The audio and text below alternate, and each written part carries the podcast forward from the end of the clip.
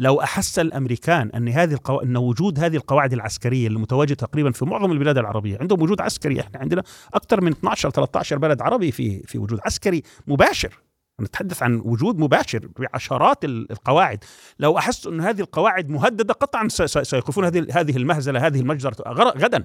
لأنه لا يستطيع الأمريكي ان أن يتصور أن هذه المنطقة بدون عسا بدون بدون قواعدها العسكرية، هذه القواعد العسكرية معظمها سري ولكن هو معروف أيضا، أكبر قاعدة جوية لأمريكا خارج أمريكا في منطقتنا، أكبر قاعدة بحرية في خارج أمريكا في منطقتنا، أكثر وجود للمناطق المقدمة، أكبر تخزين للأسلحة التي تعين العدو الإسرائيلي هي موجودة في فلسطين المحتلة كما أنها موجودة في مناطق قريبة منها. آه، كثير من التدريبات آه، لعشرين سنة كانت تعمل تدريبات مع مصر بشكل علني يعني وتدريبات ضد مين يعني؟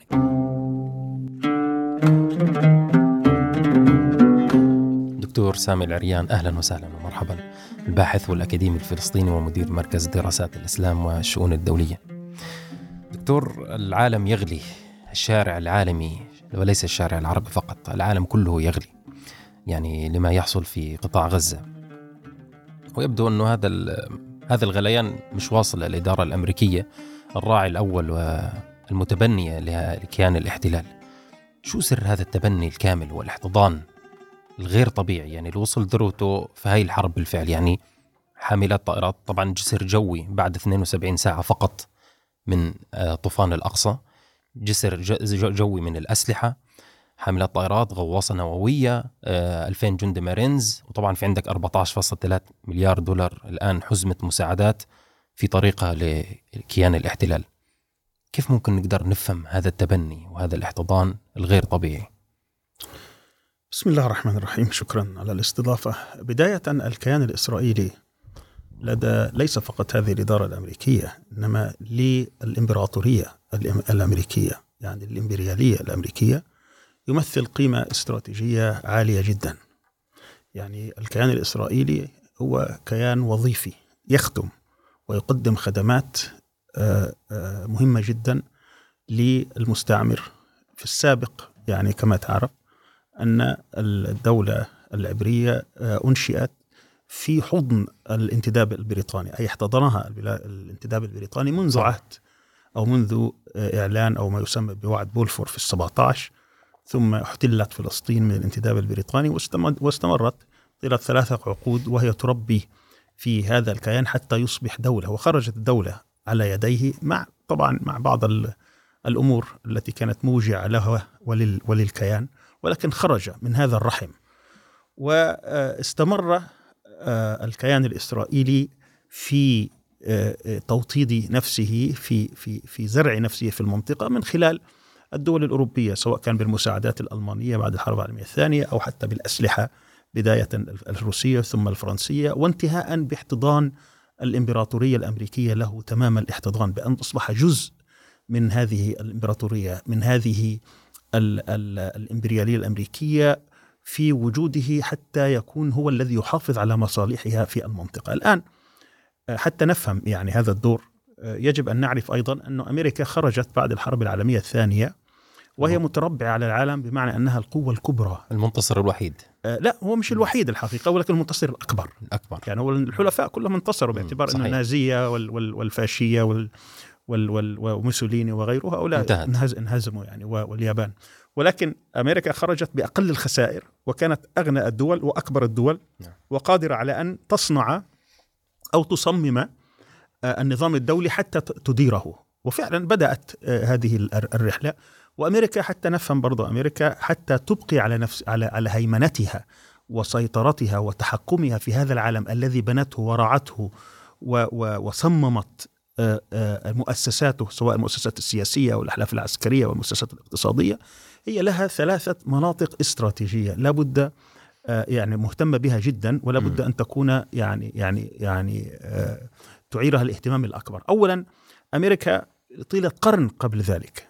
يعني القرن التاسع عشر كله تقريبا آه، آه، كانت آه، تحاول أن تكون مهيمنة على القارة الأمريكية بداية لأنه هي بدأ أمريكا بدأت 13 ولاية في الجانب الشرقي ثم توسعت وتوسعت وتوسعت وأصبحت يعني مهيمنة على القارة كلها و و و ودفعت في ذلك أثمانا كثيرة من ناحية الحروب ومن ناحية الضحايا. على كل الأحوال هي وصلت إلى هذه الهيمنة على أمريكا الشمالية ثم كان هناك مبدأ يسمى بمبدأ مونرو. مونرو هذا هو الرئيس الخامس للولايات المتحدة وهذا المبدأ كان عام 1823 ويتلخص أن هذه نعم بعد أن استولوا على القارة الأمريكية الشمالية وأصبحت قوة لا يستهان بها على الأقل في منطقتها نعم. و و و و وبعد أن وحدت هذه القارة أصبح من الصعب غزو أمريكا أمريكا يعني آه، ميزت وهذا تمييز إلهي يعني أنه عندها من الجانب الشرقي محيط ومن الجانب الغربي محيط أي من الصعب غزوها من الشرق أو الغرب وعندها آه، آه، جيران في الشمال والجنوب برضو يعني ليسوا بهذه القوة التي يمكن أن تغزو أمريكا أو تسبب لها تهديدا إما في كندا وهي يعني ذات آه، آه، عدد سكان قليل جدا ومن نفس الثقافة يعني. نفس الثقافة والفكر آه، يعني لم يكن هناك حاجة لغزو كندا يعني تقريبا في نفس في نفس الثقافة وفي نفس الأهداف. أما في الجنوب فكان هناك حرب مكسيكية أمريكية أخذت نصف المكسيك تقريبا أمريكا وهزمتها وأصبح وأبقت عليها ضعيفة. فمبدأ مونرو يقول هذا هو عدم السماح لأي قوى أوروبية استعمارية بإقامة تحالفات عسكرية أو وجود عسكري أو قواعد عسكرية في نصف الكرة الغربي بمعنى إنه هذه المنطقة منطقتنا. فتبعد عنها تماما ليس هناك أحلاف عسكرية. وأنشأت ما يسمى بالهيمنة الهيمنة هيمنة أمريكا على نصف القرى هذه. هذا جعلها تستطيع أن تخرج من داخل محيطها الإقليمي وتهدد أو تحاول أن تحافظ على مصالحها الخارجية. هذه الفكرة الأمريكية بأساس أنه بعد أن استولت أو هيمنت أو تحكمت في نصف الكرة الغربي يعني في أمريكا الشمالية وأمريكا الجنوبية هذا أتاح لها الفرصة أن تخرج إلى بقية العالم. حتى تخرج إلى بقية العالم كان لابد أن تبني آه، قوة بحرية ضخمة جدا وهذا ما فعلته تقريبا من بدايات ال 1880 حتى تقريبا نهاية القرن ثم خرجت ووقتها استعمرت الفلبين واستعمرت كثير من الجزر حول العالم في إقامة مناطق استراتيجية لها. حتى جاء طبعا آه، بعد الحرب العالمية الثانية إنها آه، آه، آه، خرجت وأصبحت هي كما قلنا أقوى دولة في العالم واصبح همها في ذلك الوقت هو عدم السماح لأي قوة وفي ذلك الوقت طبعا القوة التي تنافسها كانت الاتحاد السوفيتي باعتبار يعني باعتبار الأيديولوجية الشيوعية و صحيح. وطموح الاتحاد السوفيتي وهو وريث أيضا الإمبراطورية الروسية إنه عدم السماح له بأن يكون مهيمنا في منطقته في إقليمه اللي هي أوروبا وبالتالي أوروبا أصبحت إحدى المناطق الهامة جدا استراتيجية لأمريكا أن لا تسمح لروسيا أن تهيمن عليها. في نفس الوقت طبعا الصين يعني هي كانت قوة صاعدة. طبعا قبل الصين كانت موجودة اليابان واليابان هزمت. نعم. وبالتالي أمريكا كانت معنية بأن لا تسمح لأي قوة أخرى في منطقة شرق آسيا وجنوب شرق آسيا أن تصعد وتصبح مهيمنة على منطقتها.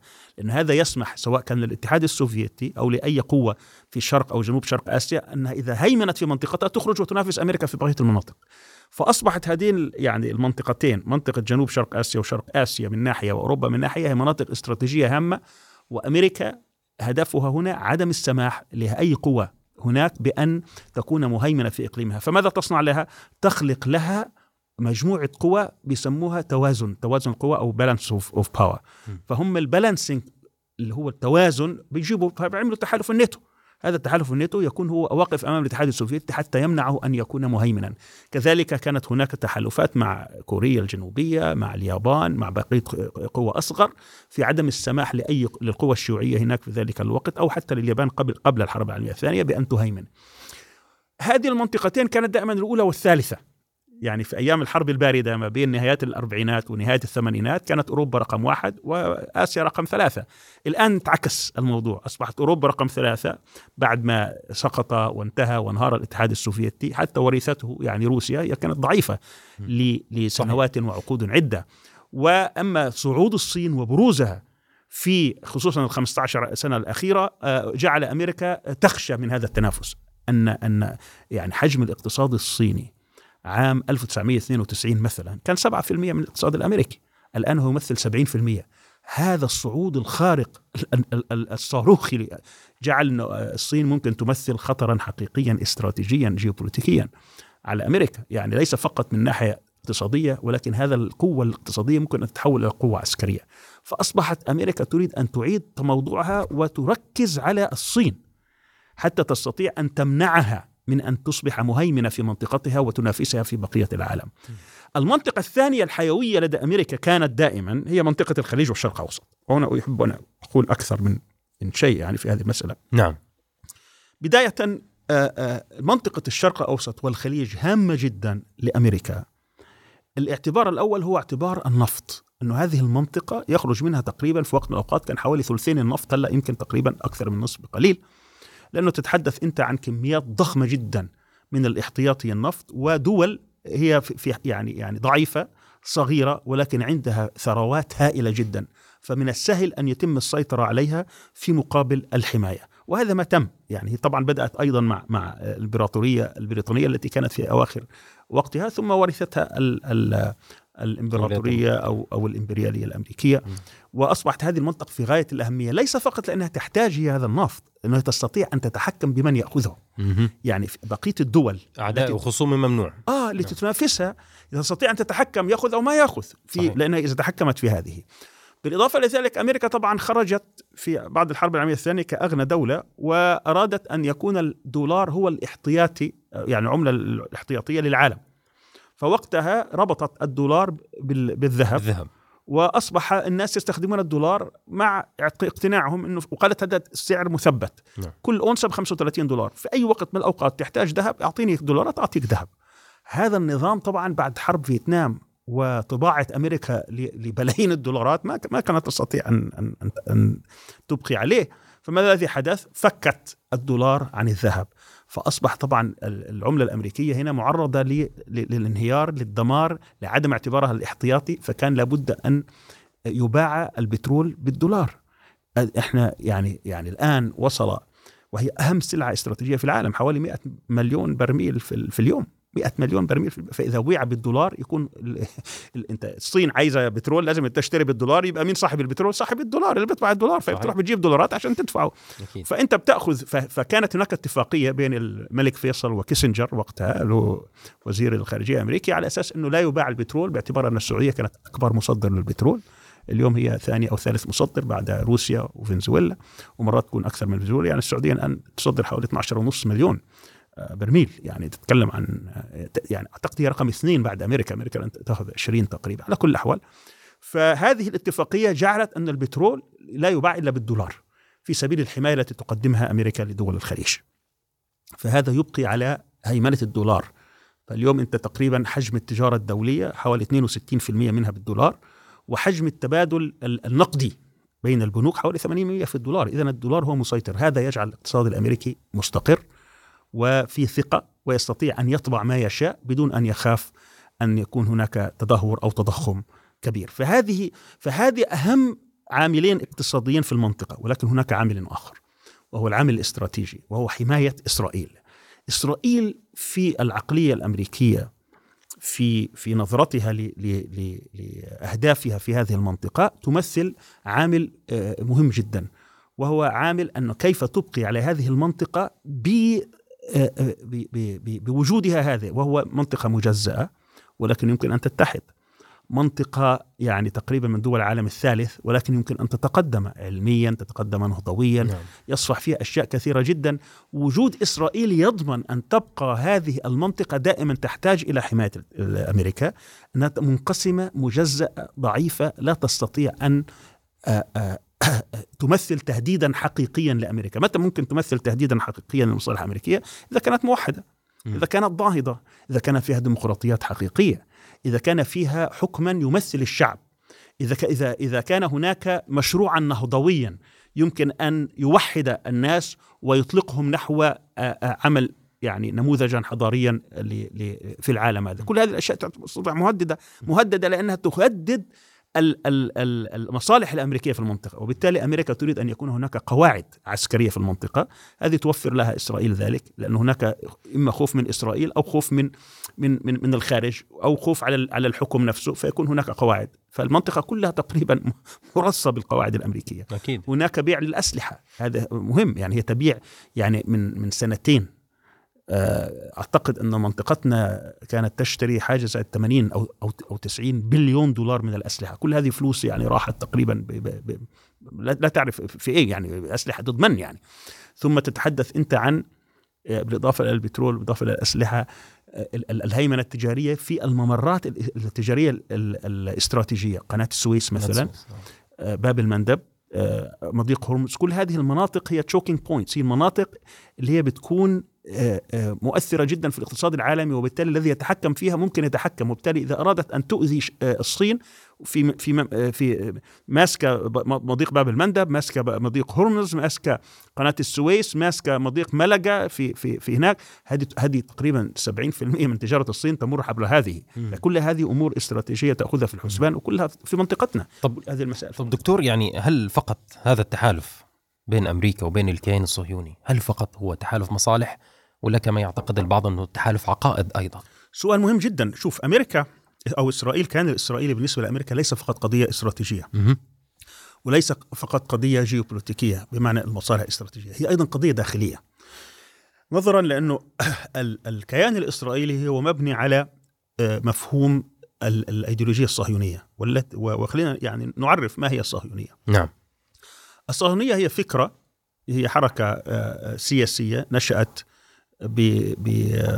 بوجودها الحالي الآن أو ب يعني شكلها الحديث أو المعاصر من خلال حركة قامت في نهايات القرن التاسع عشر آه، لتجميع اليهود يهود العالم في فلسطين. في البداية ما كانش المكان مهم ولكن بعد ذلك أجمعوا انه فلسطين هي المكان الذي يمكن أن نوحد عليه اليهود لاعتبارات يعني يعني تاريخية ودينية وكذا.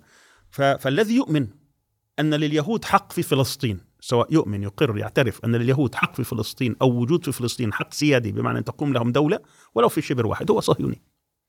وبالتالي الصهيوني ليس بحاجة لأن يكون يهودي. أيوه. نعم. وبالتالي الذي يؤمن بهذا هو صهيوني. هذا ممكن يكون يهودي ممكن يكون مسيحي ممكن يكون مسلم ممكن يكون بوذي ممكن يكون. هندوسي ممكن يكون لا ديني عبد الله ممكن بيصلي خمس صلوات وبيحج ويقوم ويؤمن بهذا. هو أصبح صهيوني. هذا تعريف مش شتيمة بالمناسبه أكيد. يعني إحنا بنقول واحد صهيوني هو يؤمن بهذا. م. هو يؤمن وبالتالي الذي يؤمن بحل الدولتين هو 78% صهيوني. 78% صهيوني نعم؟ كذا يعني هو مؤمن 78 هذول لهم يعني قلنا 22% فهي فهذا الفكرة الصهيونية متجذرة عند كثير من اليهود خصوصا اليهود اللي أصحاب مصلحة بمعنى أنهم عندهم نفوذ في داخل المنظومة الحاكمة. هؤلاء أقوياء جدا في أمريكا. واستطاعوا أن يسيطروا على كثير من المؤسسات والمنظمات اليهودية التي تؤثر على الم... على على الذين يحكمون أمريكا وعلى المؤسسات الحاكمة ومفاصل مفاصل الحكم. فأصبحت إسرائيل ليس فقط قضية استراتيجية ولكن أيضا قضية داخلية. تؤثر في الانتخابات، تؤثر في المؤسسات، تؤثر في الإعلام تؤثر في الاقتصاد تؤثر في أمور كثيرة جدا فأصبحت من نسيج هذا المجتمع بالإضافة أنه من منذ الثمانينات أصبحت هناك صهيونية يهودية صعود.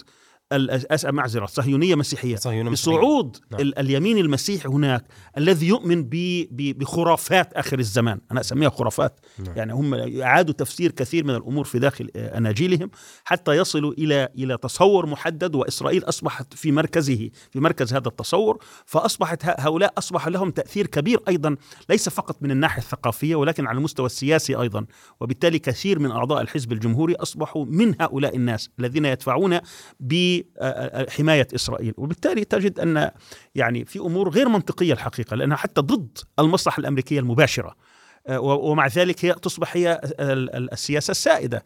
نظرا لأنه الصهاينة أصبحوا في جزء في في في في عظم رقبة هذا النظام هذه المنظومة. أصبحوا جزء من عملية اتخاذ القرار. طبعا هناك أيضا يعني يعني في مفكرين استراتيجيين ما عندهمش مشكلة في هذا. يعني يعني يعني في معظم الأوقات الأهداف الإسرائيلية آه، متناسقة مع الأهداف الأمريكية. ولكن إذا كان هناك تعارضا كبيرا جدا فدائما المنظومة الأمريكية أو المصالح الأمريكية هي التي تقدم على المصالح الإسرائيلية. ولكن يجب أن يكون هذا التعارض حقيقي.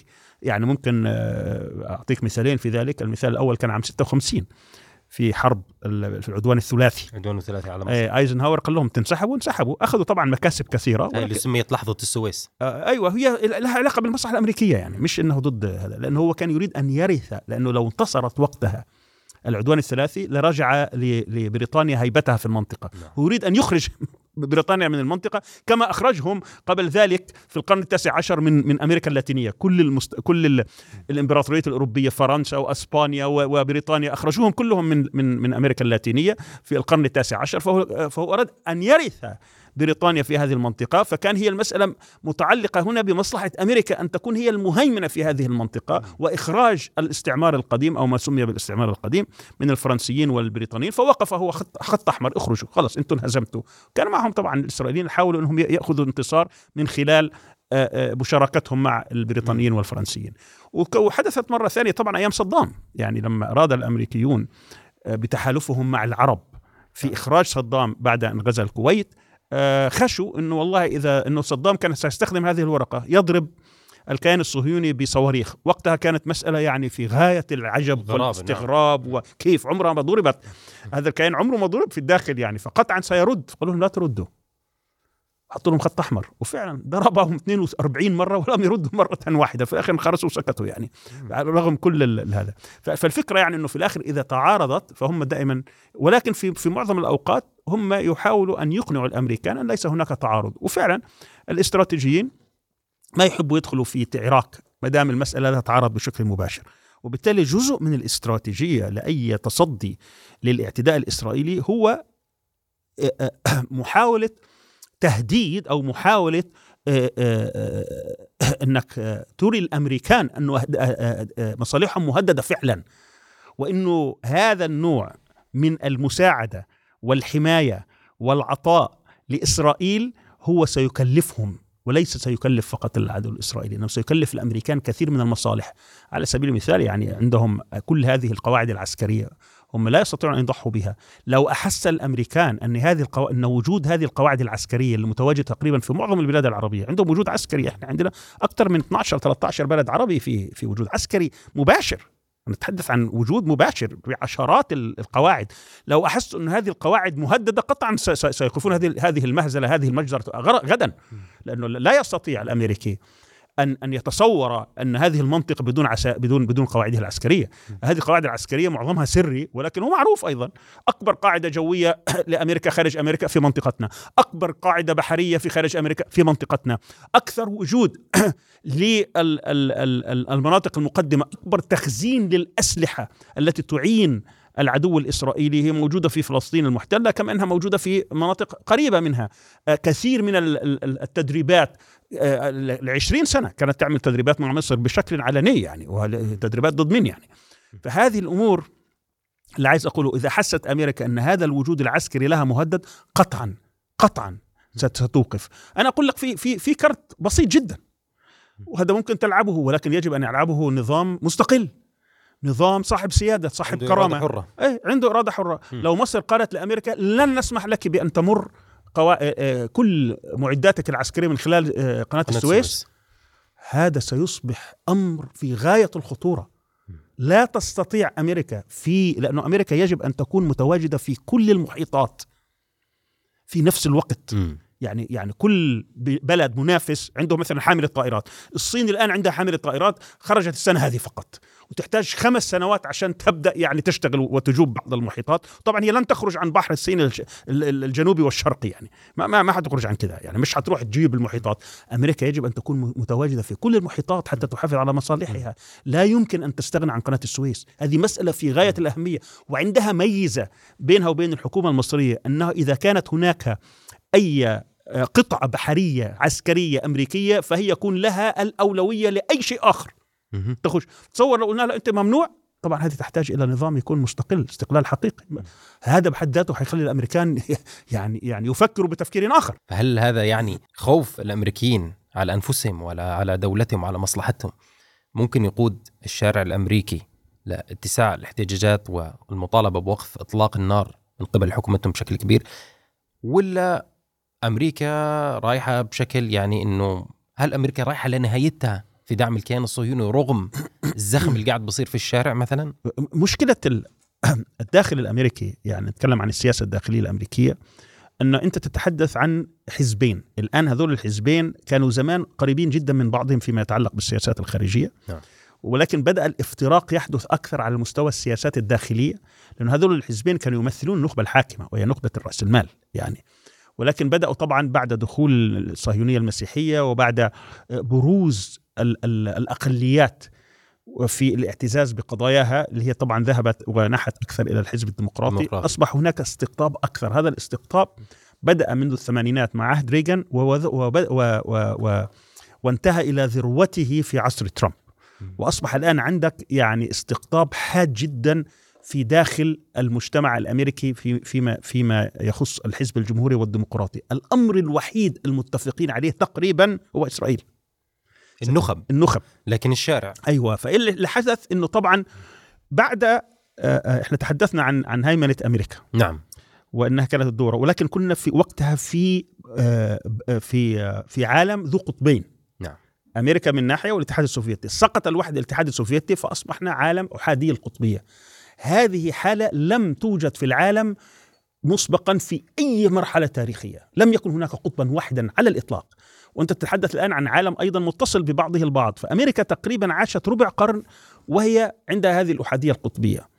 والأستراتيجية التي تبعتها في ذلك هو ما يمكن أن نسميه أو نطلق عليه الهيمنة الليبرالية. بمعنى أنها أرادت أن تغير شكل العالم هذا من خلال هيمنتها هذه ب... آه نعم بكو يعني تحاول تخلق أنظمة ليبرالية تؤمن ب. الأفكار والمعتقدات الأمريكية نعم. وتدفعها بهذا الاتجاه وبالتالي هي أخطأت خطأ استراتيجي كبير بأن ظنت أنه إذا فتحت على الصين اقتصاديا فهذا سي... سيحدث تغييرا أو تغيرا سياسيا في داخل الصين. وحش. آه داخل الصين وبالتالي تهيمن عليها ومش مشكلة هم يكون عندهم وضع اقتصادي جيد ولكن طبعا هذا ما اشتغل. صحيح. يعني الصين أثبتت أنه يمكن أن تتقدم اقتصاديا في وجود نظام شمولي. هذه المساله ما كانوش مستوعبينها الأمريكان. وكذلك على الناحيه روسيا قالوا روسيا كانت في مرحلة ضعف شديد فأصبحوا يعني يدفعوا بالناتو يدفعوا بالناتو. فحلف الناتو يعني فيعني تغير العدد أو صعد العدد من 16 إلى 30 لحد لما قويت روسيا وقالت لا هذا خط أحمر وشفنا إحنا ما حدث في أوكرانيا وهم يحاولون ان يستنزفوها. ولكن أمريكا ما تريد أن تفعله طبعا في في المنطقة ككل إنها تريد وقتها في في ظل الأحادية القطبية هذه أن تعيد هندستها منطقتنا. هندسة اجتماعية بحيث إنها تأتي وتغير وتلحقها بالأنظمة الأمريكية. فبدأت كانت ستبدأ وطبعا هذه فكرة خيبانة وفكرة فاشلة يعني ولكن هم اقتنعوا أنه ممكن. فراحوا على أفغانستان وبعد 20 سنة اكتشفوا أنهم فشلوا. وراحوا للعراق وفشلوا أيضا. وكانوا ناويين يروحوا بعدها على سوريا وليبيا والسودان و... و... وينتهوا بإيران يعني واليمن والصومال ومش عارف إيش. و... طبعا هذا كله فشل. هذه التجربة كانت أمريكا يمكن أن تجربها ولا تدفع ثمنا عاليا لأنها كانت أحادية القطبية. ولكن بعد صعود الصين لا تستطيع أن تخطئ. فأرادت أمريكا أن تعيد تموضعها في المنطقة هنا بحيث أنها تأتي بقوة تستطيع أن تبقي على مصالح أمريكا تحافظ على مصالح أمريكا تحتي تحمي مصالح أمريكا بقيادة الكيان الصهيوني وبقية الدول الحليفة لأمريكا والتي كانت تريد أن تطبع مع مع الكيان الصهيوني. نعم. فعندك طبعا مصر كانت مطبعة الأردن مطبعة الإمارات والبحرين والمغرب أصبحوا مطبعين. وكانت الجوهرة هنا طبعا السعودية. نعم سموها هم درة التاج. درة التاج. فلو طبعت السعودية مع الكيان الصهيوني تستطيع أمريكا أن أن أن تنسحب قليلا تعيد موضوعها قليلا من المنطقة وتسلم هذه المنطقة لهذه. طبعا هناك بعض المشاغبين. وبالتالي أرادت طبعا ان ان ان ان, أن توجد هذا التحالف حتى يبقي على هؤلاء المشاغبين اللي هي إيران ومحور المقاومة وكذا. وتجاوزوا الحقيقة هم الموضوع الفلسطيني. يعني هم تقريبا الموضوع الفلسطيني خلاص اقتنعوا بنظرية نتنياهو إن الموضوع الفلسطيني هذا مش محتاجين نحن ممكن القفز عنه. ممكن القفز عنه والتعامل معه تمانجت يعني. نحن نديره. اقتنعوا يعني. ولو انه هم في الداخل عندهم إشكالية فيه. فإحنا نرجع إلى موضوع الداخلي. فالذي حدث طبعا أن الشباب الأمريكي خصوصا في الحزب الديمقراطي وجد أنه كثير من الأقوال التي أعطيت له خلال 20 سنة الماضية كانت كذب. كذبة كبيرة. كذب كذب كبير جدا في موضوع ما يسمى الحرب الكونية على الإرهاب. طبعا قبلها كان في في الحروب اللي كانوا يعملوها في في في أمريكا اللاتينية في الكونترا ومن الكونترا وغيره. وبعد ذلك اكتشفوا إنهم عم بيدفعوا اثمان مش عارفين ليش. ثم أصبحت هناك حركات اجتماعية جعلت مفهوم السلطة والنخبة هذا يضرب عند الشباب نعم. مع طبعا أن الوسائل الإعلام التقليدية أصبح ليس لها هذا النفوذ على تشكيل الوعي الجمعي الأمريكي، العقل الجمعي الأمريكي، وأصبح هناك عندك السوشيال ميديا وأصبح الناس عندها آلاف المصادر في أن يعني تبحث بنفسها عن الحق أو الحقيقة. فصعدت Black Lives Matter صعدت ال Me Too movement صعدت يعني يعني حركات اجتماعية كثيرة جدا جعلت أن الثقة بهذه النخبة بالحكومة قد تزعزع وتضعضع. فجاءت السابع من أكتوبر سبب صدمة كبيرة جدا لهم اكتشفوا أنه كان مضحوك عليهم مخدوعين. طول هذا الوقت مخدوعين. كل هذه ال machine كل هذه الماكينة الإسرائيلية بسموها الهسبره التي كانت يعني يعني مسيطرة على العقل الأمريكي منذ الصغر في الإعلام وفي وفي التعليم وفي الجامعات وفي الثقافة وفي هوليوود وفي الأفلام وفي الحياة العامة وفي المسلسلات كل هذه طلعت كانت كذبة كبيرة. وإنه هذا إنه في شعب اسمه فلسطيني وهذا الشعب محطم وهذا مش شعب إرهاب. كثير من الشباب اكتشفوا هذه. طبعا هذه جاءت عبر يعني كثير من النضالات. يعني ما لم صحيح. تأتي يعني آه، يوم واحد ولكن نعم هي المسائل بتبدأ بتبدأ بتبدأ. تعرف زي ما أنت مثلا بيكون أنت عندك آه، آه، ماسورة مثلا وبتكون بتضخ مية بتضخ مية وبعد شوي بتنفجر الماسورة. فهذا هذا اللي صار لأنه صار صار في عندك مشكلة فيها. فبتنفجر. وهذا الذي حدث. إنه جاءت 7 من أكتوبر سببت صدمة كبيرة جدا لقطاعات كبيرة جدا من الشباب الأمريكي. أمريكا خصوصا الشباب اللي في الحزب الديمقراطي أو المنتمين للتيار الليبرالي بشكل عام وليس الليبرالي بمعناه التقدمي أي نعم يعني ممكن ال progressive ممكن نعم نفسرها بهذا دكتور هل يمكن يبنى على هذا الحراك الحاصل حاليا والمرحلة المتقدمة اللي وصل لها؟ أكيد ولكن من من ضمن استراتيجية م. يعني أنا أريد أن أتحدث بصورة أكبر عن موضوع الكيان ومستقبل هذا الكيان وفي وفي في هذه الدائرة ممكن نتحدث عن يعني أهم المحددات التي تبقي على هذا الكيان مستمرا وباقيا ومتمددا وكل هذه الأمور. طب قبل ما ننتقل لهذا المحور، هل تعتقد لأي درجة راح تستفيد روسيا والصين من اللي بصير حاليا في الشرق الأوسط؟ إلى درجة كبيرة جدا. مثل يعني مثلا بالنسبة لروسيا إحنا قبل السابع من أكتوبر كان نصف الأخبار عن أوكرانيا. نعم صحيح. الآن ما حد يسمع عن أوكرانيا. م. أوكرانيا انتهت كدولة.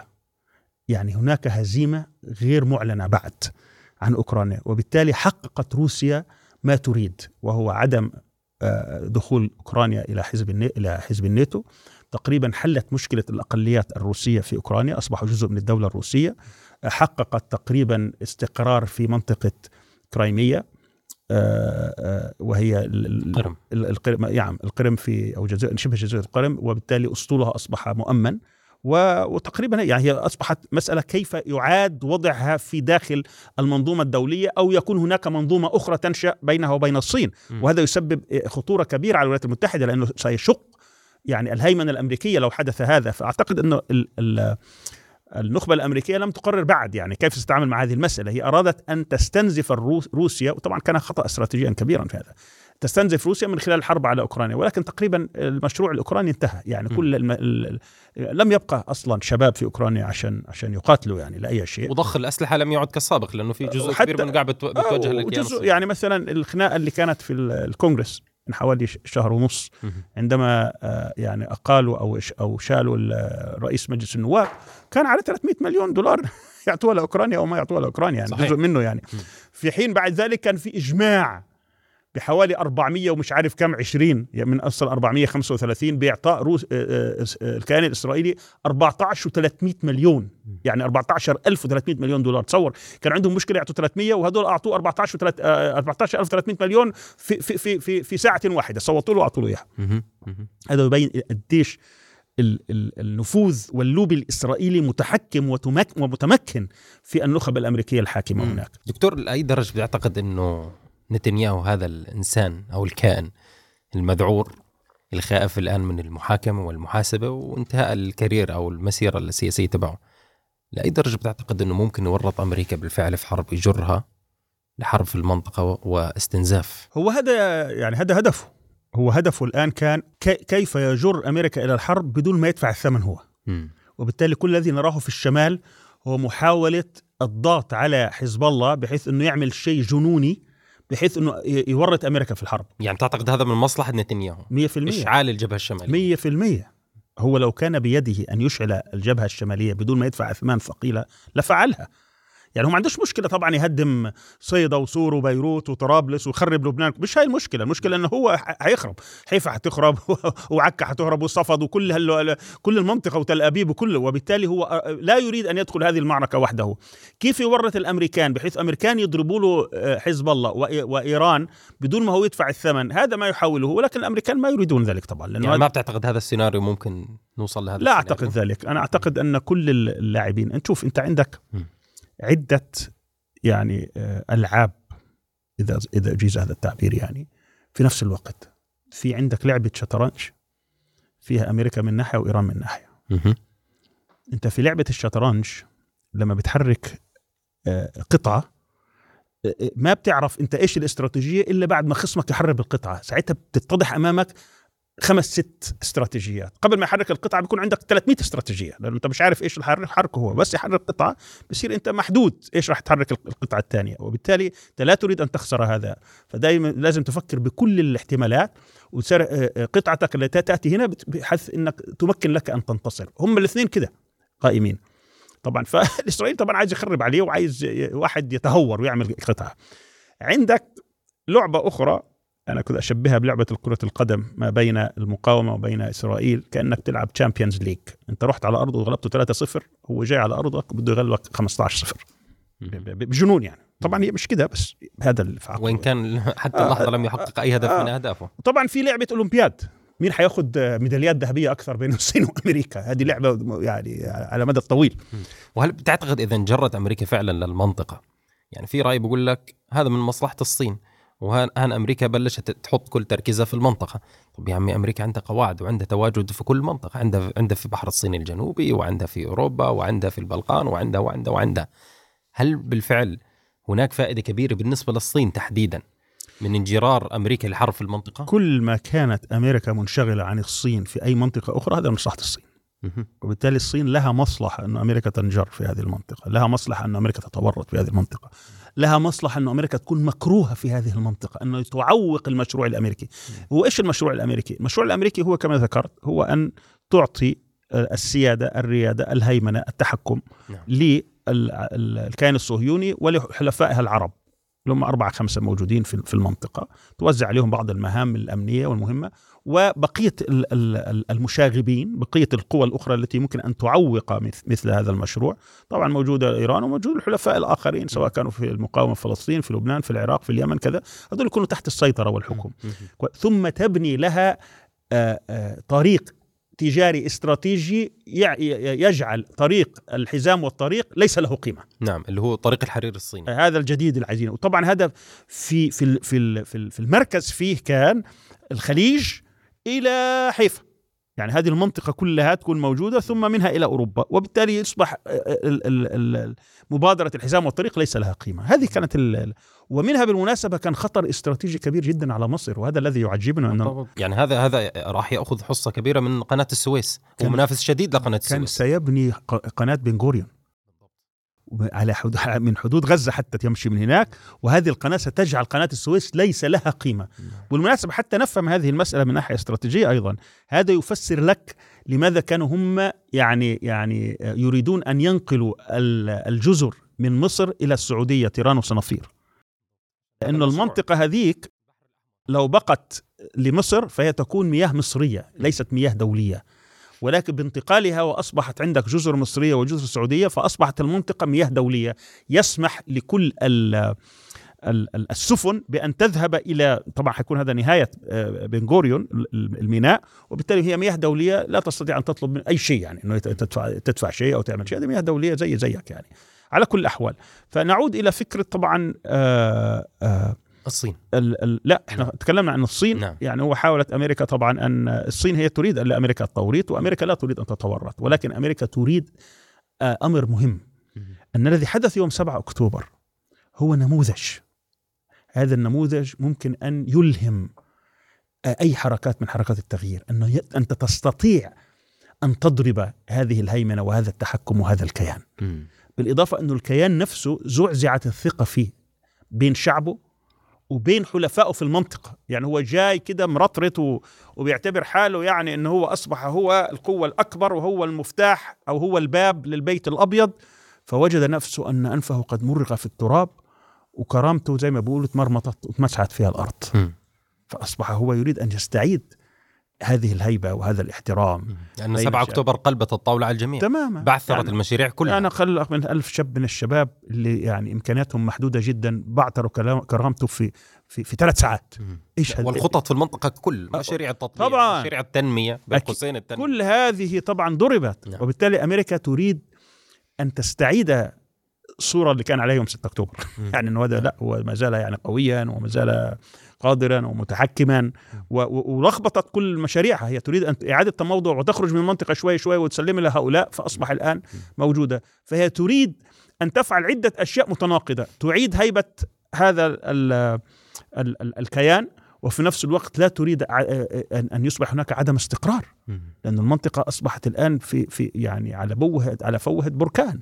يعني هذا الغضب الهائل لما قامت به لما قام به الكيان الصهيوني من قتل بهذه الوحشية ومن مجازر يومية ومن استخفاف بكل القيم والأعراف يعني لم تشهد لم تشهد المنطقة ولا العالم كله مثل هذا الاستخفاف بكل النظام الذي بنته أمريكا كما نراه اليوم. المستشفيات والمدارس والجوامع والكنائس والبنايات والأطفال والرضع يعني مسألة فاقت حتى التصورات. وهل بتعتقد دكتور هذا راح يكون عواقبه وخيمة؟ يعني ليس على الكيان الصهيوني فحسب بل على الغرب وخصوصا على الولايات المتحدة الأمريكية. إذا لم يكن فنحن أمة لا تستحق الحياة. إذا تناست الأمة الإسلامية أو إذا تسامحت فهي أمة لا تستحق الحياة. إذا نحن ننتظر إلى جيل آخر. إلى جيل آخر هو الذي يمكن يستحق. الاستبدال. لا يمكن. بعدما رأينا ما رأينا أن الإنسان ينسى ما حدث. إذا لم تكن الولايات المتحدة شريك في هذه المعركة وفي هذه الوحشية وفي هذه المجازر لم يكن ليحدث أمريكا كانت قادرة على أن تقول له لا كانت قادرة على أن تضع له خطوط حمراء كانت قادرة على إيقافها في كل وقت من الأوقات ولكن اختارت أن لا يقف حتى تستعيد هذه الصورة هذه الصورة التي رأيناها جميعا يوم السابع من أكتوبر وهذا العدو وهو يهرب وهو آه، آه، يهان. هي تريد أن تغير المشهد ويصبح هذه هذا الجندي الذي ليس عنده قلب وهو ممكن أن يفعل بكم كما يشاء ولن يحاسبه أحد وبالتالي لا يفكر أحد في المستقبل أن يهز له جفن أو رمش. نعم. وإنه سيفعل بكم الأفاعيل إذا ما كنتوش فاهمين. بالإضافة طبعا إنه اليمين وهنا يعني الأمريكا مش بالضرورة متوافقة. هي تمشي معاه حتى ترى انه هذه الفكرة أو هذا الهدف غير محقق. نعم. هو موضوع إنه إعادة نكبه جديدة. يعني هذه مسألة حاول طبعا بلينكن وزير الخارجية أن يبيعها على العرب. ما استطاع لأن فكرة يعني مجنونة. ولكن هو ما زال اليمين الإسرائيلي يحاول أن يدفع بالفلسطيني لهجرة جديدة ول ول ول ولنكبة جديدة وأنه يغير المشهد لأنه لا يستطيع أن يتعامل.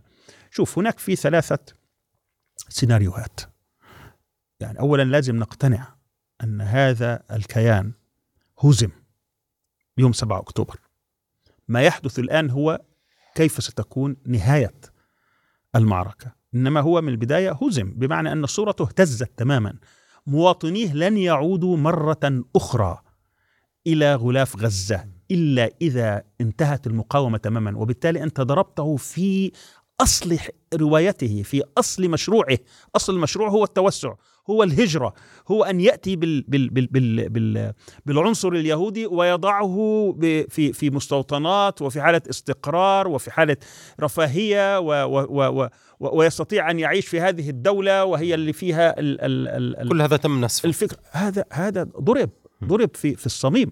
وبالتالي هو الآن اضطر أن يزيح أكثر من 150 ألف من الشمال والجنوب. هؤلاء لن يعودوا مرة أخرى إلا إذا حسوا أنهم في أمن. هذا الأمن لن يأتي إلا بأن يسحق المقاومة. فإذا استطاع سحق المقاومة لا قدر الله إذا تحقق له هذا المراد فهو قطعا نحن إذا مقبلون على مرحلة ستكون صعبة لأنك بإعادة القوة ولكن الصراع لن ينتهي. هذا الدكتور بحنا لسؤال مهم آه، يعني البعض يطرح أنه غزة تقاتل الآن معركة وحيدة. هناك تخلي وتخاذل للأسف عربي وإسلامي آه، كبير جدا يعني عن المقاومة في غزة وأهل غزة بشكل عام. هل ممكن أو هل تعتقد أنه مفهوم أو فكرة وحدة الساحات اللي كان يتم الحديث فيها كثير السنوات الماضية هل تعتقد أنها انتهت بعد يعني ترك غزة تقاتل وحدة وحيدة تقاتل طيب. وحدة في هذا المعنى سأجيبك على هذا السؤال بس ذكرني أقول لك إيش الثلاث سيناريوهات. نعم. حتى نعم. ما نقفز عليها. طيب. مفهوم وحدة الساحات هو منطلق من أن الخطر الإسرائيلي واحد على يعني ما يسمى بمحور المقاومة نعم. أو أولئك الذين يرون في إسرائيل هي الخطر الاستراتيجي على الأمة وبالتالي آه، نحن جميعا آه، سنكون آه، مستهدفين من هذا العدو والأفضل لنا أن نكون مع بعضنا في مواجهته حتى لا يستفرد بنا، هذه هي الفكرة الأساسية. طبعا هذا يستدعي أن يكون هناك تنسيق ويكون أن هناك في خطة استراتيجية موحدة في هذه المسألة. م. كويس؟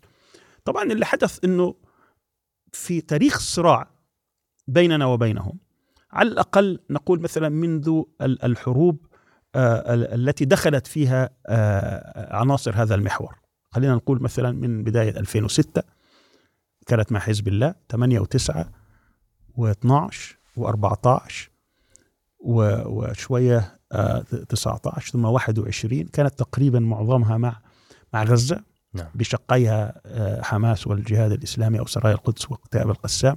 ثم كان في كم معركة استفردت فيها بسرايا القدس ثم دخلنا في المعركة هذه. هذه كلها جاءت بسياقاتها المحلية. يعني بمعنى إنه مثلا حزب الله دخل مش داخل هو في مواجهة. هو داخل ياخذ أسيرين عشان يستبدل فيهم فصارت معركة.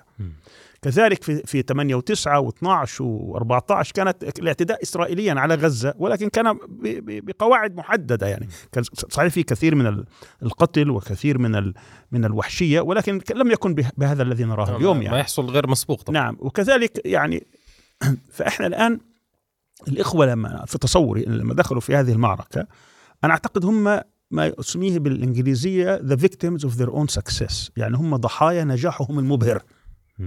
هم ما كانوش داخلين يظنوا بهذه بهذه السهولة هذا العدو. هم داخلين ياخذوا لهم مثلا 30 40 50 100 شهيد ويستبدلوهم. كويس. وإنهم يعني يعني الذي حدث إنه هذا الانتصار الكبير جعل الكثير من الناس تدخل والمسألة كبرت كثيرا جدا. صار اندفاع وكثير من القتلى هم جاءوا يعني هم هم قتلوا جماعتهم. صحيح. يعني الذي حدث انه إنه بعد هذا الانهيار أرسلوا الهليكوبترات فأصبح يضربوا الإسرائيليين مع المجاهدين مع المقاومين. كل هدف بيتحرك على الأرض. فأصبح مئات احتمال يمكن أكثر يعني عدة مئات من منهم هم قتلون بأنفسهم. فكانت فضيحة فضيحة حقيقية فأرادوا أن يغطوا على هذه الفضيحة بهذه الحرب الرهيبة جدا. م. الآن آه في أمرين. يعني الذي أفهمه أنا من خطاب السيد حسن نصر الله وأعتقد هو يعني يعني حلل المسألة أو أو شخصها بشكل صحيح. بمعنى أن هناك في أمرين يجب أن نفرق بينهم. الأمر الأول هذه المجازر الدموية والوحشية والقمعية التي تستهدف الأطفال والنساء والعجائز والمدنيين والمباني والمستشفيات وال والمدارس والكنائس والجوامع وكل شيء والجامعات وال يعني والعيادات كل هذه هذا هم إنساني. هذا ليس هم فقط محور المقاومة. أكيد. يعني هذا هم مفروض الجميع كل من عنده ضمير أن يقف ويقول يعني لا نسمح بهذا. ويوضع كل يعني يعني يعني جهدهم وكل ما أوتوا من قوة لإيقافه. لأنه هذا هذا ضد الضمير الانساني ضد ال ضد ال ال ال ال ما يسمى بالشرعية الدولية. يعني إذا إذا سمحت به فليس هناك أي محرمات بعد ذلك. هذا ليس فقط هم للمقاومة ولكن هم الجميع هم نعم العالم. وهناك أمر آخر معلق بسحق المقاومة. نعم. وهذا الهدف لا يتفق عليه إلا أعضاء محور المقاومة. يعني في أنظمة في منطقتنا هنا بالعكس هم قد يساعدوا الاحتلال ويساعدوا الأمريكان على سحق المقاومة. نعم. فهنا جاء الرد قالت يعني الهدف الأول الجميع يشترك به في عندك دول إسلامية وعندك دول عربية وعندك دول عالمية هم المفروض يشتركوا فيه لإيقاف هذه المجازر. أما إذا إذا إذا إذا ما فهمناه منهم أنه أن سحق المقاومة خط أحمر. لن نسمح به الآن هو وضع لنفسه خط أحمر أمام الناس. فإذا جاء وقت من الأوقات أصبح العدو أو الكيان الإسرائيلي قريب ولا أعرف كيف ممكن أنت حقيقة تقيسها أنا ما عنديش فكرة يعني. ولكن أنا أتصور إنه في يعني في مشاورات بين الناس. إذا أحس إنه هذا ان محور المقاومه كادوا أن يسحقوه ولم يتدخل تسقط مصداقيته. لأنه حيعرف اليوم التالي بعد غزة الدور جاي علي. هذه من ناحية اللي بسموها self preservation انه هو حماية النفس يعني انه دور علي ولكن هو قال يعني هو قال أمام الملأ. يعني الدكتور الآن في أصوات صهيونية بتحكي يا جماعة هاي أفضل فرصة الآن ماخذين green light غير مسبوق. الرئيس الأمريكي الوحيد اللي بزور آه، الكيان الاحتلال في فترة حرب يعني دعم آه، مرعب. هي أفضل فرصة للانقضاض على حزب الله. لا هذا كلام فارغ. هذا كلام فارغ. هذا كلام يعني مراكز أبحاث لا لا هو يقول بس كلام فارغ. نعم. لأنه حزب الله في الآخر مش قاعد في غزة محاصرة وتحت الأنفاق. م. حزب الله صحيح سيضرب آه، ستضرب لبنان وستهدم ولكن لن يكون الخراب على على على الكيان الصهيوني شوية صواريخ تطلع هنا وهناك خمس ست صواريخ على تل أبيب. ستهز ستهدم له كل يعني مصانعه الإستراتيجية في حيفا. مناطق المرافق. قد يمكن حتى تضرب دايمونا. وحتى الأمريكي قال له وقتها يعني أبقى على المسألة واعطى له 12 بطاريات صواريخ ولكن حتى بطاريات الصواريخ محدودة. يعني أنت مثلا لما يكون أنت عندك بطارية صاروخ اعطى له 12 وحده ممكن مثلا آآ آآ توقف 30 صاروخ 50 صاروخ. ولكن إذا بعثت لك 400 صاروخ مرة واحدة كيف توقفهم؟ ممكن توقف 50 والباقي وين؟ حينزل على ومش بالضرورة يضرب الناس. يعني حيفا هذه ستدمر. تل ابيب ممكن أن تدمر فهو لا المسألة مش بهذه السهولة. ولكن في نفس الوقت لكن لمتى سينتظر الصهيوني هذا الوحش يتضخم على حدود الشمال؟ لا هي إشكالية طبعا. هي, هي قطعا إشكالية. ولكن هو بيظن أنه عنده من الردع. يعني أصبح الموضوع الردع ال ال ال ميزان الردع نعم. إيه، مشترك يعني أنه أنت تردعني وأنا أرضعك. أما هو ما عنده حل الحقيقة هو أصلا ما عنده حل إيران أيضا. يعني إذا إيران إذا حصلت القنبلة النووية ما عنده حل لذلك لن يستطيع أن يضربها وبالتالي لابد أن يصل إلى اتفاق ما معها يعني. هذه مسألة هي أحد الإشكاليات اللي متواجدة في المنطقة اللي مش لاقي لها حل. يعني في الماضي كانت لما يكون عنده هذه التحديات كان لا ينتظر حتى يصل الإنسان إلى هذه التقوية. يعني ضرب يعني في 82 طبعا ضمن القواعد الأمن الصهيونيه إنه الردع سياسة الردع. إيه نعم. هو هو هي نقل المعركة لارض العدو. العقيدة العسكرية الصهيونية هو اولا هذا مجتمع عسكري وعقيدته نعم. العسكرية هو أن يكون قويا وقادرا على أن يهزم كل أعدائه مجتمعين في نفس الوقت في أسرع وقت و و وليس هناك حد للوحشية أو القتل أو استخدام أداء القتل لتحقيق هذا الهدف. نعم. ما في حد. وصل الطرف الآخر أنه لا جدوى من مقاومته. بالضبط. إنك توصل لمرحله اليأس. نعم. طبعا الآن المقاومة الشرسة اللي بيشوفها في غزة هذه بتضرب في كثير من مثل هذه النظريات. هدمت النظريات. الآن الباحثين الإسرائيليين المفكرين بيبحثوا عن نظريات أمن جديدة لأنه كل ما رسم وكتب من قبل الآن انهد. من ناحية التفوق الاستخباراتي من ناحية الردع جز العشب وكي الوعي وما إلى ذلك كل ذلك انهار. نرجع لثلاث سيناريوهات. طيب. آه قبل تحدثنا إحنا على موضوع يعني آه الكيان الإسرائيلي ونظرته على آه، آه، الجبهة الشمالية والجبهة الجنوبية. أنا أقول أن يعني أريد أن أكرر أن نحن أمام لحظة حقيقة أن نعم الجميع كان يجب أن يتحرك لمنع هذه المجازر وهذا أثبت ضعفنا وضعف والحقيقة يعني ليس فقط ضعف على المستوى الحكومات نعم. ضعف على مستوى الحركات. والأحزاب سواء كانت إسلامية علمانية يسارية قومية وطنية كل هذه النخب الموجودة القيادات كلها فشلت. لم نستطع الحقيقة أن نفكر خارج الصندوق حتى نضع بعض الضغوط. ليس على حكام. الحكام هذول عاجزون أصلا. ان إحنا نظن أن هؤلاء الحكام قادرون على أن يصنعوا أي شيء الحقيقة. يعني بيكون هذا يعني شيء كثير لأنه الحقيقة هم عاجزين. ولكن على المستوى تهديد المصالح الأمريكية في المنطقة التي يمكن أن تحرك هذا العدو الصهيوني. لم يفكر أحد الحقيقة ولم تكن هناك مبادرات خارج الصندوق للعمل في هذا الاتجاه. وهذه هذا هذا درس ثقيل يجب أن يتعلمه الناس. أنا أقول أن المشروع وإذا تحدثنا هنا عن الحركات الإسلامية المشروع الإسلامي حتى الآن هو عاجز أن يرى ما هي الاستراتيجية الكبرى التي لنا في هذه المنطقة. هذا المستعمر الأمريكي ودولته الوظيفية الكيان الصهيوني لن يسمح لنا بأن نقدم نموذجنا الحضاري. لن يسمح لنا بأن نقيم ديمقراطية حتى لو كانت ديمقراطية عرجاء كما حدث كان في تونس مثلا لن يسمح لنا أن يكون لنا نهضة علمية أو نهضة ثقافية لأن كل هذه تعد من مهددات وجود الكيان الصهيوني الذي يحافظ على هذه على مصالح هذه الإمبراطورية لن يسمح لنا حتى أن نجرب ويكون عندنا تمثيل شعبي حقيقي. كل هذه ممنوعة علينا. وبالتالي يجب أن تكون استراتيجيتنا العظمى حتى نصل إلى إلى إلى إلى محاولة صنع نموذج حضاري هي انتزاع النفوذ الأجنبي من منطقتنا. ونتكلم عن النفوذ الأجنبي بكل تش... كل يعني يعني تجلياته السياسية والإقتصادية والتجارية. والثقافية والعسكرية و... وكل شيء. هذا يستدعي إعادة النظر في في في في, في كيف ننظر ننظر إلى حياتنا يعني نفسها. كل شيء يعني يجب أن أن نعيد التفكير في كل شيء في حياتنا.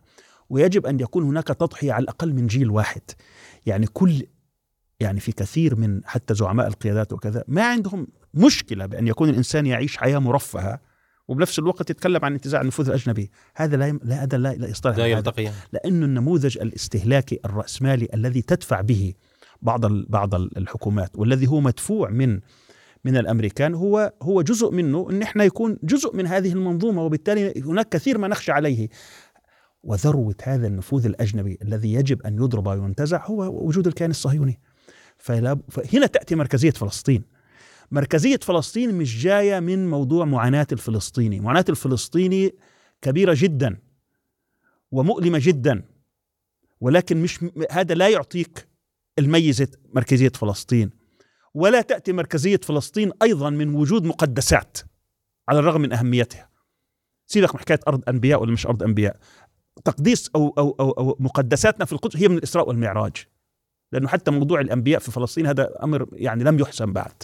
على الرغم من الإسرائيليات الموجودة عندنا في تراثنا. هذه مسألة أخرى. قدسية فلسطين جاية من الإسراء وبالتالي يجب أن نفهم أهمية القدس هنا من خلال القراءة التاريخية القرآنية الاستراتيجية. بمعنى أن العالم الإسلامي بدأت دفقته الحضارية الأولى أو ما يمكن أن نطلق عليه بالعالمية الإسلامية الأولى أي الدورة الحضارية الإسلامية الأولى من دولة المدينة. واستمرت لثلاثة عشر قرن.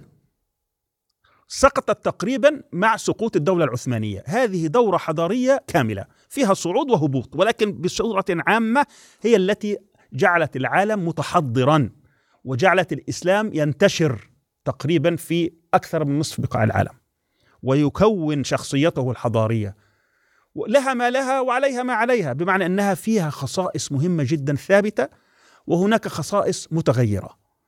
نحن الآن نعيش في مرحلة ما بين العالمية الإسلامية الأولى والعالمية الإسلامية الثانية. نحن نعيش في هذه المرحلة. فترة مخاض؟ فترة مخاض. العالمية الإسلامية الثانية كما انطلقت العالمية الإسلامية الأولى من المدينة العالمية الإسلامية الثانية ستنطلق من القدس. لماذا من القدس؟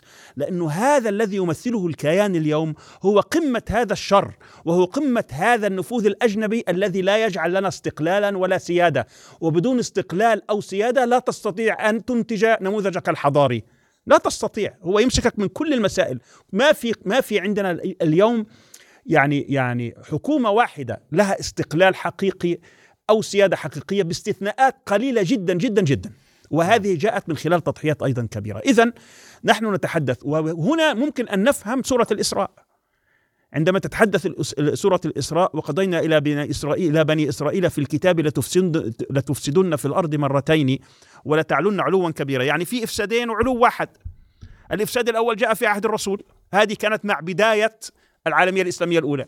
ليش إفساد؟ كانوا يريدون قتل الرسول في أكثر من من مناسبة، كانوا يريدون وقت الدعوة في أكثر من مناسبة، قلبوا الأحزاب كانوا عايزين يخلصوا ال 1400 مسلم اللي كانوا في أكثر من مناسبة، كل هذه المؤامرات كانوا يريدونها حتى ينهوا هذه الدورة، لم لم يفلحوا، كان فسادا كبيرا طبعا، قتل النبي هو فساد كبير أو محاولة يعني، ولكن هذا لم يكن معه علو. فجاء الدورة الثانية أو المرة الثانية قبل ما نبدأ في الدورة الثانية جئنا بفساد كبير وجئنا أيضا بعلو كبير. وجعلناكم أكثر نفيرا وفي وفي نهايات السورة يتكلم وقلنا من بعده لبني إسرائيل اسكنوا الأرض فإذا جاء وعد الآخرة يعني الوعد الثاني جئنا بكم لفيفا فجاءوا من كل أنحاء العالم واستقروا في فلسطين. فهذه المنطقة هذا الذي يمثله هذا العدو هذا الكيان هو يمثل هذا الصراع في محاولة التخلص من من من هذا التحدي واستعادة الاستقلال والسيادة لنبدأ عالمية إسلامية جديدة. فكل الحديث لدى أصحاب يعني الحركات الإسلامية أو التيارات الإسلامية أنه بداية سننشئ يعني حضارتنا وسننشئ نموذجنا الحضاري وبعدين نذهب ونتحدى الإسرائيلي هذا معكوسة. عكس تماما. الأمر عكس تماما. مم. وهذه تحتاج طبعا إلى تفكير عميق جدا أنه كيف ستستطيع في غياب نموذجك الحضاري ولكن من خلال عمل كبير جدا أن تنهي هذا التحدي. كما يعني أبدع إخواننا بغير وجود شيء استطاعوا أن يضربوه. وإحنا أيضا ممكن أن نبدا ممكن أتكلم في هذا بالتفصيل بالمناسبة.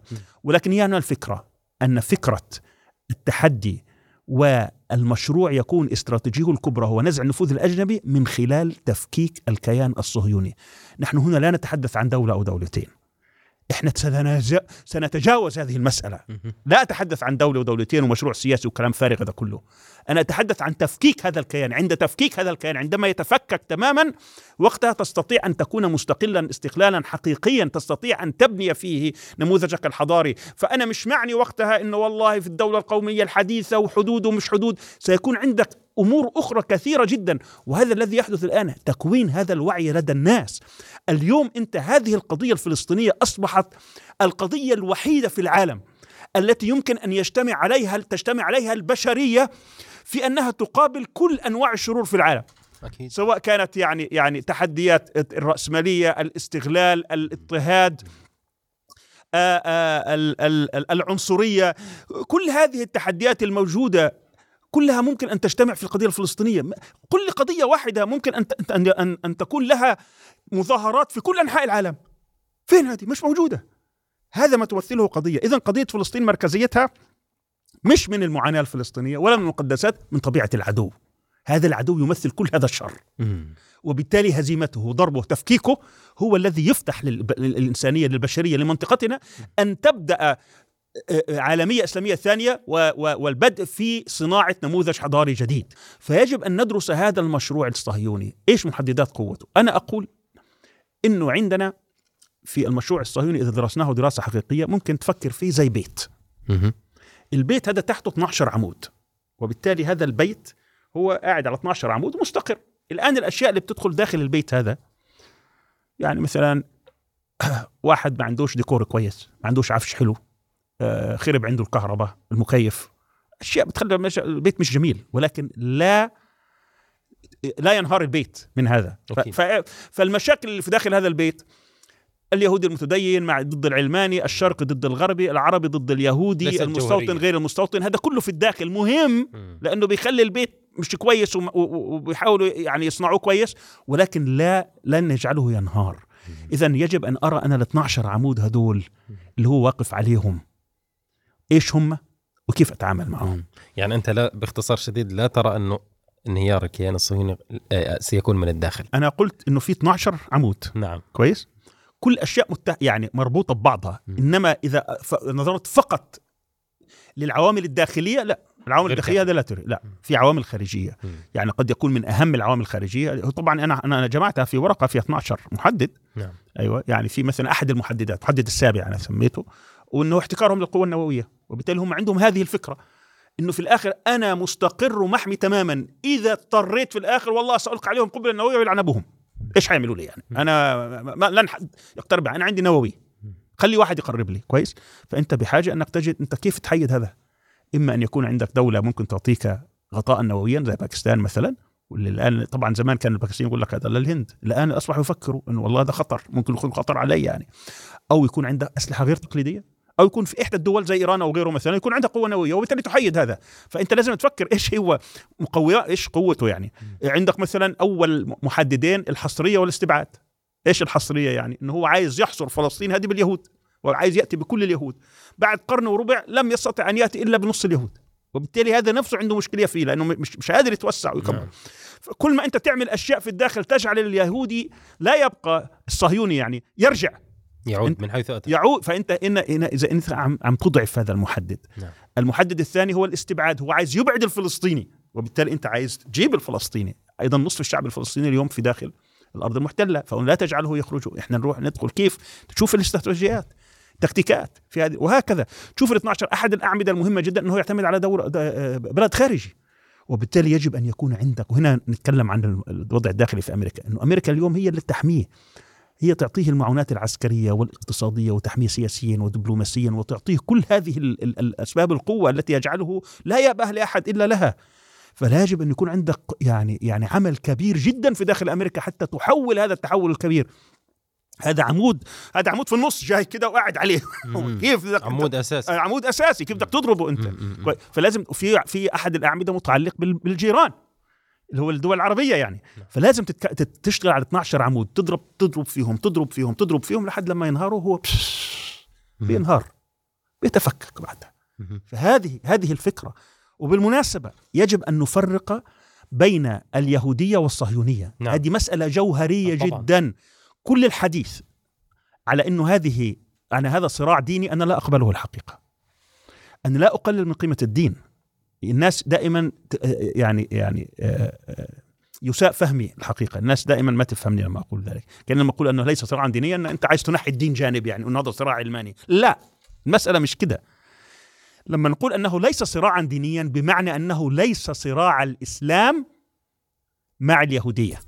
هذا ما نعنيه.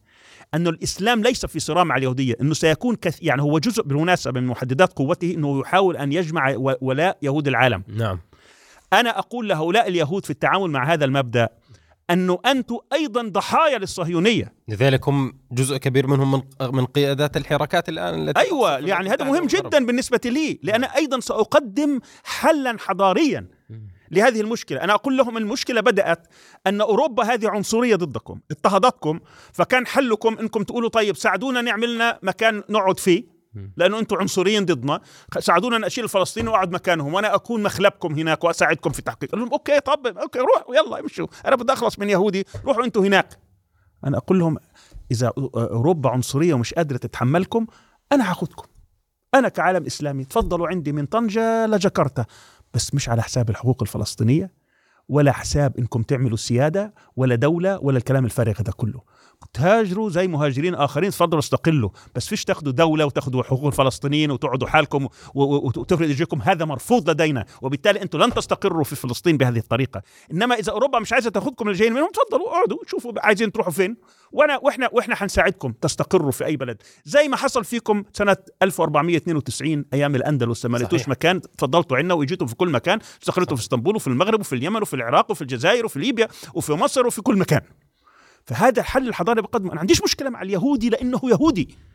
عندي مشكلة مع المعتدي. وفي هذا أنا أقرأ آيات سورة الممتحنة وتكون لا ينهاكم الله عن الذين لم يقاتلكم في الدين ولم يخرجكم من دياركم أن تبروهم وتقسطوا إليهم. إن الله يحب المقسطين. إنما ينهاكم الله عن الذين قاتلوكم في الدين. مسألة اعتداء. وأخرجوكم من دياركم وظهروا على إخراجكم. أي الناس اللي ساعدوهم. أن تولوهم ويتولوا فأولئك هم الظالمون. وبالتالي أولئك الذين يساعدونهم ولو كانوا غير يهود أعدائي أما اليهودي اللي معايا ضد الاعتداء فهو حبيبي وصديقي ما عنديش مشكلة في هذا.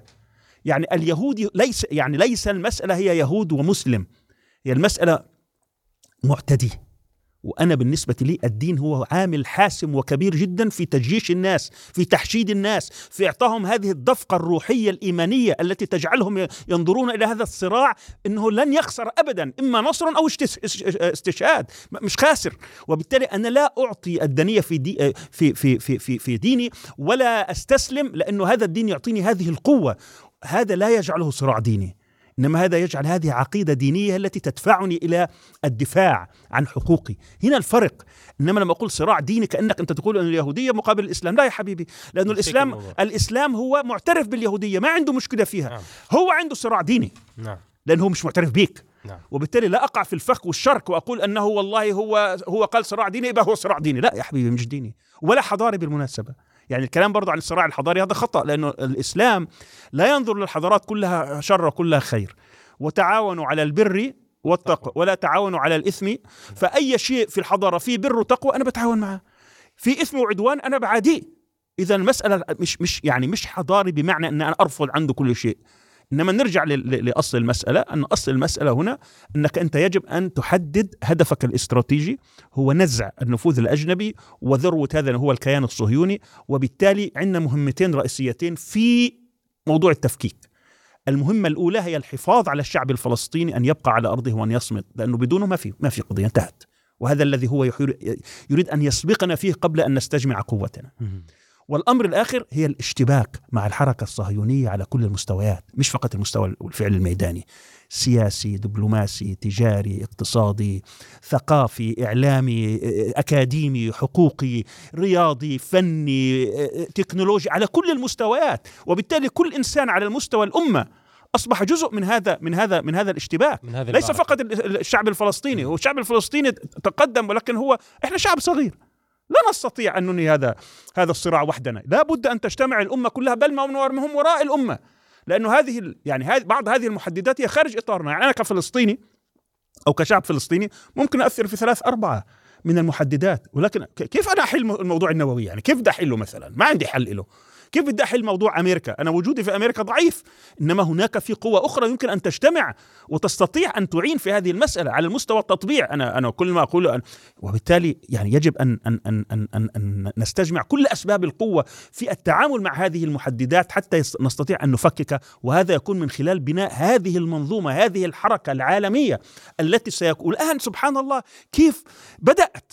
يعني هذه يعني هذه من تجليات ومن يعني يعني من رحمات الله انك ترى الآن أن هذه الفكرة التي كنت دائما أحلم بها أصبحت تتشكل أصبح عندك آلاف ملايين من الناس أصبحوا يقولوا إحنا وين كنا رايحين؟ إحنا إيه كيف كنا معمي على قلوبنا؟ كيف كنا يعني مغيبين؟ هذا الخطر هذا خطر على الإنسانية، إحنا اذا في في البدايات هذه وهذه ما سيجعل في نهاية الأمر أن يتفكك هذا النظام وهذه المنظومة وهذا الكيان ثم نبدأ وقتها إحنا نتحدث عن عالمية إسلامية ثانية ممكن تاخذنا 100 سنة بالمناسبة لأنه إحنا في هناك خصائص في العالمية الإسلامية الأولى سنستطيع ان ان, أن نحافظ عليها ثوابت. وهناك في أشياء جديدة نستكشفها الآن ولن ولن يعني الأشياء اللي كانت موجودة في الماضي لن تصلح تصلح لنا الآن. الآن العوده إلى السيناريوهات الثلاثة. نعم. السيناريو ونختم بهم. ونختم بهم. تمام. السيناريو الأول أن آه، الأمريكي يريد أن يحافظ على مصالحه ولا يريد لمنظومته أن تنهار. فسيحاول أن يدفع قدر الإمكان بما يسمى حل الدولتين. يلاقي له شكل من الأشكال حتى يعني يجد حلا سياسيا. والله على الوعود والأشياء اللي بيحكيها نتنياهو بدنا نخلي غزة ونهجر أهلها والتهديدات بالنسبة للضفة هذا مش مش حيضل دولة ولا بالضبط. فالاسرائيلي سيقف أمام هذه بضراوة. طبعا هم اولا نتنياهو يعني لن يكون موجود. راحل راحل. خلال شهور إن لم يكن أسابيع سيختفي عن المشهد. طب دكتور بس نعرج نقطة صغيرة. كيف تتخيل شكل القيادة الصهيونية ما بعد نتنياهو؟ حتكون أشرس أكثر يمينية وتطرفا؟ يعني هذه مسألة آه، ممكن نستقرئ فيها التاريخ. م. يعني موضوع اليمنيه وش هذا له علاقة بموازين القوى القائمة. آه، المجتمع الإسرائيلي الآن مهزوز اهتزاز شديد. م. وهو آه، يبحث عن من يعد الثقة له. هو هو على الأغلب جانس. يعني 80% سيكون هذا جانس يعني سيكون عسكري يعني لن يكون إلا عسكريا وبالتالي العساكر هذول لا يفهمون إلا لغة واحدة حتى لو أعطاك من بعض الكلام ولكن هو في الآخر لغته لغته القوة والبطش يعني ليس عنده أسلوب آخر أو قوة أخرى. ويعني من خلال خبرتنا أيضا ليس هناك فرق كبير ليس هناك أصلا يسار في إسرائيل. بالطبع. هناك يمين ويمين متطرف ويمين متطرف التطرف وهكذا وتصعد. واليمين ما عندهم يمين لا يقبل أصلا بحل الدولتين أو إنه ينظر لك ك ك ك كأنك مكافئ أو مساوي له أو يتفاوض معك. هذا المشروع الأمريكي لحل دولتين سيفشل. هو سيحاول أن يدفع بهذا الاتجاه ولكن أنا أقول إنه سيفشل. لاعتبارات عديدة جدا. ليس فقط لأنه بايدن عنده سنة انتخابات ومش فاضي يدفع وسيكون له اثمان كبيرة جدا في الداخل ولكن الوضع الصهيوني والوضع الإسرائيلي لن يسمح بذلك. فهم وسيفشل. نعم. ففي في في نفس الوقت هي الفرق بين الثلاث سيناريوهات بالمناسبة إنه يعني الوقت يعني لو نجحوا لو كان هناك معجزة ونجحوا في فرض شيء اسمه حل الدولتين كل هذا اللي حيعمله إنه حيزود موضوع التفكيك عشر سنوات مثلا مش أكثر. يعني إحنا نتكلم ما بين 10 إلى 30 سنة هذا عمر الكيان في تصوري يعني. نعم. المسألة الأخرى إن إحنا مقبلون الآن على دولة واحدة ديفاكتو أمر الواقع. لأنه العالم لن يستطيع أن يتحمل هذا الصلف الإسرائيلي. فأمام الإسرائيلي إما أن يرحل أعداد كبيرة جدا هائلة من الشعب الفلسطيني. نص غزة ثلاث أرباع غزة يروح على مصر. نص الشعب أو ثلاث أرباع الشعب في الضفة يروح على الأردن. وبالتالي يخلق وضعا جديدا يكون من الصعب أن يكون هناك حل دولة واحدة. وبالتالي تدخل أنت في صراع يعني يعني ميداني وعسكري وسياسي وغيره يعني ولكن من الخارج. بمعنى أن الشعب الفلسطيني فرغ من أرضه. هل ممكن أن يحدث ذلك؟ أنا أقول نسبته ضعيفة جدا. والشعب الفلسطيني لن لن يرحل بنفسه يعني. ولكن القوة القائمة الآن في في في في في العالم لا أظن أنها ستسمح بمثل هذا النوع من الحلول التي يحلم بها اليمين الإسرائيلي. حتى أمريكا؟ حتى أمريكا. لا لا أمريكا لأنه إذا فجر هذا الأوضاع يعني التهجير بهذا الشكل أمام أعين العالم بالملايين. تتحدث الآن عن وجود فلسطيني قريب الخمس مليون. عشان تشيل نصهم اثنين ولا ثلاثة مليون ولا كذا هذه مسألة مش مسألة سهلة. هذه يجب أن تقتل فيها. طبعا هم بيحاولوا الآن. يعني إحنا قد يكون عدد شهدائنا مش 11000 ولا 12000 قد وصلنا ل 20 وممكن ننتهي 30 و40 عدد المفقودين الله يستر يعني. إيه فهذا النوع من القتل أن يكرر مرتين وثلاثة وأربعة. والشعوب تتفرج والعالم كله يتفرج والمصالح أمريكا يعني لم يصبها شيء هذا سيكون من أعجب العجائب يعني. فأعتقد إنه هذا مستبعد ولكن سيحاولون. ولكن إذا فشلوا فنحن مقبلون على وجود فلسطيني في داخل فلسطين التاريخية من النهر إلى البحر. تتحدث أنت عن أكثر من النص sooner or later. يعني إما الآن أو خلال وقت العالم سيقول خلاص انتهينا هذه بدكم تقبلوا الأمر الواقع. طبعا قبول الأمر الواقع يعني انتهاء الحلم الصهيوني. ما فيش دولة صهيونية. وهم لن يقبلوا ذلك. إذا السيناريو الثالث الذي هو على الأغلب الذي سيكون نحن في عالم أبرتايد فصل عنصري. هذا الفصل العنصري معناته الاشتباك معهم دائم وقائم ومستمر ويكبر. وأنت تكسب كثير من العالم وهم يخسرون. أنت تكسب وهم يخسرون. وإذا مشينا في الاستراتيجية التي كنت أتحدث عنها في الاشتباك الدائم على كل المستويات سيأتي يوم من الأيام وينهار هذا النظام. دكتور سامي العريان شكرا جزيلا لك. على هذا الطرح وهذه المداخلات. إن شاء الله نوصل هذا اليوم اللي تحدثت فيه. إن شاء الله إن شاء الله جميعا حاضرين وشاهدين على التحرير إن شاء الله وانهيار هذا الكيان السرطاني في منطقتنا. شكرا جزيلا لك. شكرا لك